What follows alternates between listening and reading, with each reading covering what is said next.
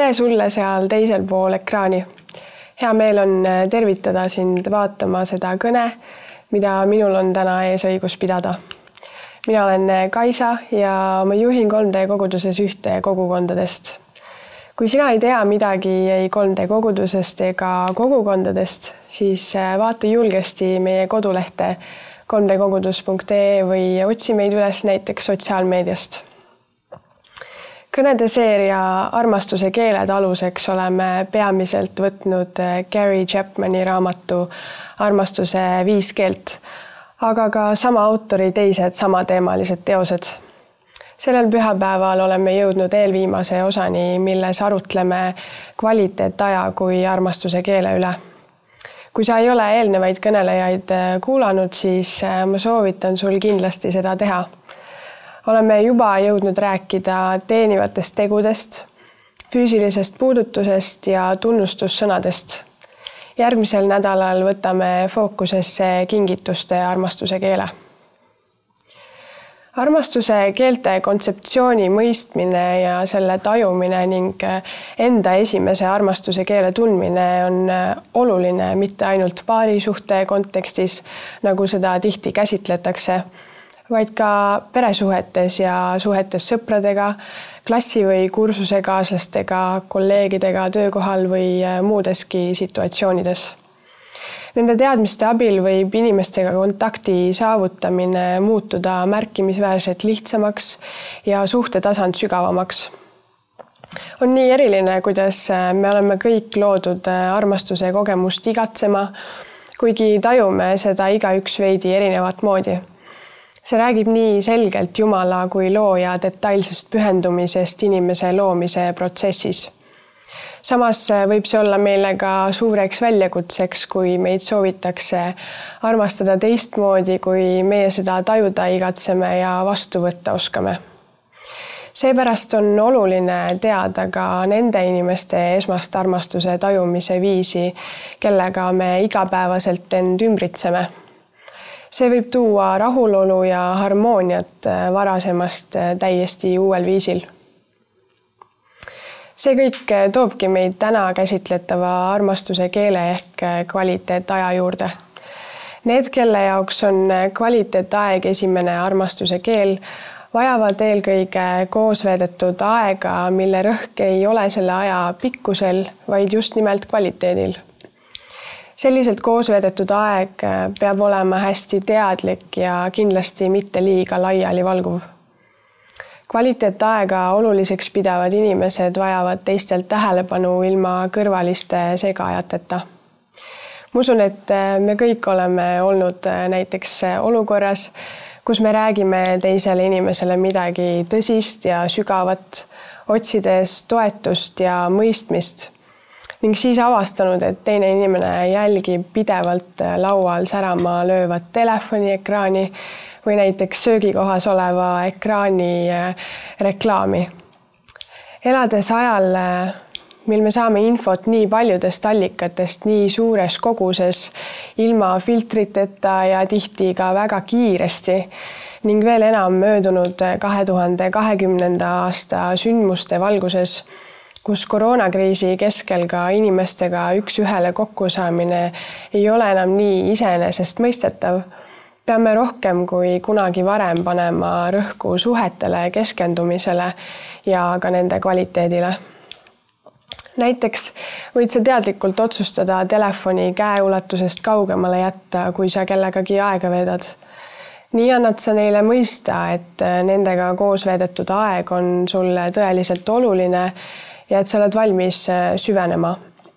mina olen äh, endale sisse harjutanud, et kui ma kellegagi koos aega veetes tõesti pean telefonist midagi otsima või vaatama või ruttu midagi üles märkima, siis ma lihtsalt küsin, kas see sobib, kui ma korraks telefoni võtan nii ei tunne teine, et ma lihtsalt justkui lahkusin sellest vestlusest ning ta ei pea oma mõtetes hakkama juurdlema selle üle, kas mul lihtsalt hakkas temaga igav või oli mul tõesti vaja eh, oma nutiseadmest eh, midagi vaadata.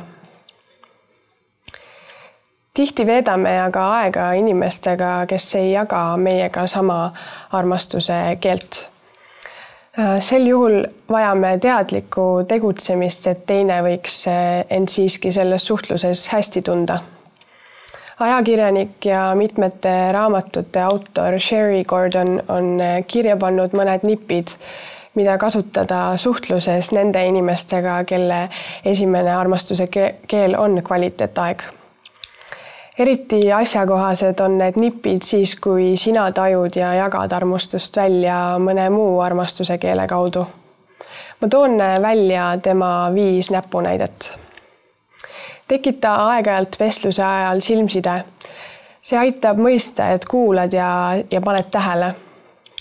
teiseks, kasuta aktiivset kuulamist peegelda aeg-ajalt, kas sa said äh, räägitust õigesti aru ning äh, küsi täpsustavaid ja asjakohaseid küsimusi.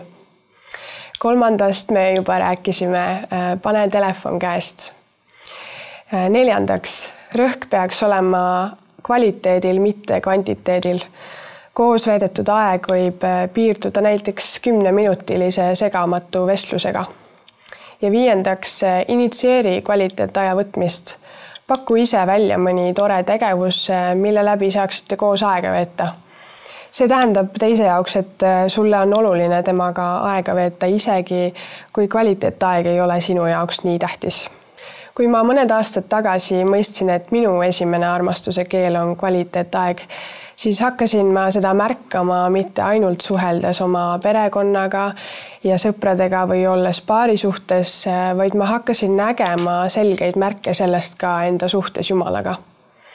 selleks, et ma võiksin tunda end vaimulikult tugeva ja kindlana, pean ma regulaarselt Jumalaga kahekesi segamatult aega veetma samamoodi vajan äh, teatud vaimulikku rütmi ja vahel isegi kindlat rutiini, et äh, olla sügavalt veendunud enda Jumala suhte tõelisuses ja sügavuses. nagu hea ülesehitava sõprussuhtegi puhul ei ole üldiselt piisav paar korda aastas teist poolt enda elus toimuvaga kurssi viia, nii kehtib see isegi veel enam meie suhtes taevase isaga nii nagu mina väljendan enda armastust oma Jumala vastu selleks äh, aega võttes, tajun ma kõige enam, et Jumal mind tõesti armastab siis, kui temaga osaduses veedetud aeg on olnud segamatu ja väga fokusseeritud raamatus Jumal kõneleb sinu armastuse keelt, juhib Gary Chapman kristlaste tähelepanu ka sellele, kuidas paradoksaalsel kombel võib isegi vaimulik töö ja koguduses teenimine olla vahel takistuseks meie kvaliteetajale Jumalaga.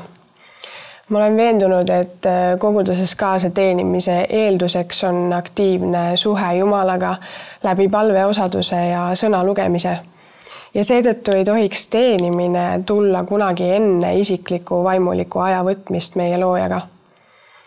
ennekõike peaksime ise laetud saama, kui seda välja jagama hakkame. Jeesuski ütleb meile Matteuse evangeeliumi kuuenda peatüki kolmekümne kolmandas salmis, otsige esiti Jumala riiki ja tema õigust kristlasena on minu suurimaks eeskujuks Jumala ainusündinud poeg Jeesus ma tean väga hästi, et tänapäeva maailmas on paljusid, keda eeskujuks võtta ja Jeesuse eeskuju tundub meile tihti kauge ja kättesaamatu. ta oli ju täiuslik Jumal ise inimese kehas. Jeesus aga sündiski siia maailma selleks, et jätta meile täiuslik eeskuju ja midagi, millest me alati lähtuda võime jah, ta oli küll sada protsenti Jumal, aga samal ajal oli ta ka sada protsenti inimene Jeesust eeskujuks võttes võime päev-päevalt armu läbi tema sarnasemaks muutuda. Hebra kirja kaksteist kuus ütleb, võtke siis eeskujuks teda, kes on kannatanud niisugust patust ja vaenu enese vastu, et ei väsiks ega teie hing ei nõrkeks. Jeesus on heaks eeskujuks ka kvaliteetaja võtmises ja ma tahaksin seda välja tuua kahel tasandil esiteks, äh, tema suurim prioriteet oli ala, alati aja võtmine oma isaga ning see kajastub ka mitmel pool piiblis. näiteks Luuka evangeeliumi kuuenda peatüki kaheteistkümnendast salmist võime lugeda. aga neil päevil sündis, et Jeesus läks mäele palvetama ja veetis kogu öö Jumalat paludes üks tähendusrikkamaid kirjeldusi Jumala poja ja Jumala ehk isa vahelisest kvaliteetajast on üles märgitud Matteuse evangeeliumi lõppu kahekümne kuuendasse peatükki, kus Jeesus peale viimast söömaaega jüngritega vahetult enne tema vahistamist kolm korda Getsemani aias Jumala poole palvetab. Jeesus teadis, et inimkonna eest ristile minek on kätte jõudmas ja ta teadis, et see ei saa olema kerge, kuid siiski otsustas ta paanika ja muretsemise asemel kogu öö palvetada. kas see pole mitte täiuslik eeskuju ka meile täna? teise tasandina tahaksin välja tuua aja, mis Jeesus võttis, et olla oma lähemate jüngritega Need kaksteist, kes temaga teistest rohkem aega veetsid, said Jeesuselt pidevalt juhiseid selles maailmas toimimiseks. Jeesus räägib evangeeliumites jüngritele ja teistele kuulajatelegi hulga tähendamissõnu, mis veel tänagi inimesi kõnetavad ja õigele teele suunavad. lisaks veetis Jeesus oma järgijatega kolm ja pool aastat palvetades, haigeid tervendades, reisides ja ka näiteks koos süües selliste igapäevaste tegevuste saatel veetis Jeesus oma jüngritega just sedasama kvaliteetaega, millest me täna rääkimas oleme. jüngrid tundsid seeläbi, et äh, neil on Jeesuse jäägitu tähelepanu ja et ta pidas nendega aja veetmist tõesti prioriteetseks isegi kui see aeg oli piiratud, nagu Jeesus tihti ka ise rõhutas, näiteks Johannese evangeeliumi neljateistkümnendas peatükis, jättis see siiski sügava jälje jüngritesse. selle tulemusena, et jüngrid olid läbi Jeesusega veedetud kvaliteetaja Jumala armastuses inimkonna vastu täiesti veendunud, olid nad valmis Jeesuse teenimistööd jätkama ja ka evangeeliumi sõnumit edasi levitama ma usun, et seetõttu võime meiegi täna kaks tuhat aastat hiljem lugeda Jumala sõna, tema poole palvetada ja tema nimesse uskuda. seega ma julgustan sind, et ka sinu panus inimestesse ja nendega kvaliteetaja veetmine võib avaldada kustumatut mõju, mille tulemusena võivad need inimesed usus kasvada ja Jumalaga palju lähedasemaks saada kuigi Jumal on äh, kõikvõimas looja ja kuningas, siis äh, on nii eriline tõdeda, et täna ja praegu või tegelikult ükskõik mis hetkel saame temaga kvaliteetaega veeta. muidugi on meil inimestena vaba valik ja langetame oma otsused lõpuni ikkagi ise, kuid see ei tähenda, et Jumal ei oleks tõotanud alati meiega olla ja et ta alati ei ootaks meiega aja veetmist see muudab meie jaoks äh, suure algustähega Jumala võrreldes kõigi müütiliste jumalatega erinevaks ja väga isiklikuks. viienda Moosese raamatus ütleb Mooses Joosuale. issand ise käib su ees, tema on sinuga, tema ei lahku sinust ega jäta sind maha, ära karda ega kohku. ma usun, et seesama lubadus kehtib ka täna nii minu kui sinu elus ja sellest lähtuvalt ma julgustan sind äh, Jumalaga kvaliteetaja võtmist kujundama igapäevaseks harjumuseks. ma olen oma eluski näinud, et kui minu rütm Jumalaga on regulaarne ja selle hoidmine minu jaoks oluline, siis äh, julgen tema tõotustele toetudes äh, edasi liikuda minu elust kipuvad siis rohkem esile tulema ka vaimuviljad nagu rõõm ja rahu, kannatlikkus, headus ja muu selline kui sa aga kuulad praegu ja ei tunne isiklikult seda Jumalat, kellest ma siin tunnistanud olen, siis äh, otsi julgelt 3D äh, koguduse kodulehelt mõni kontakt või kirjuta meile sotsiaalmeediasse, et saada vastused nendele küsimustele, mis sul võivad olla tekkinud.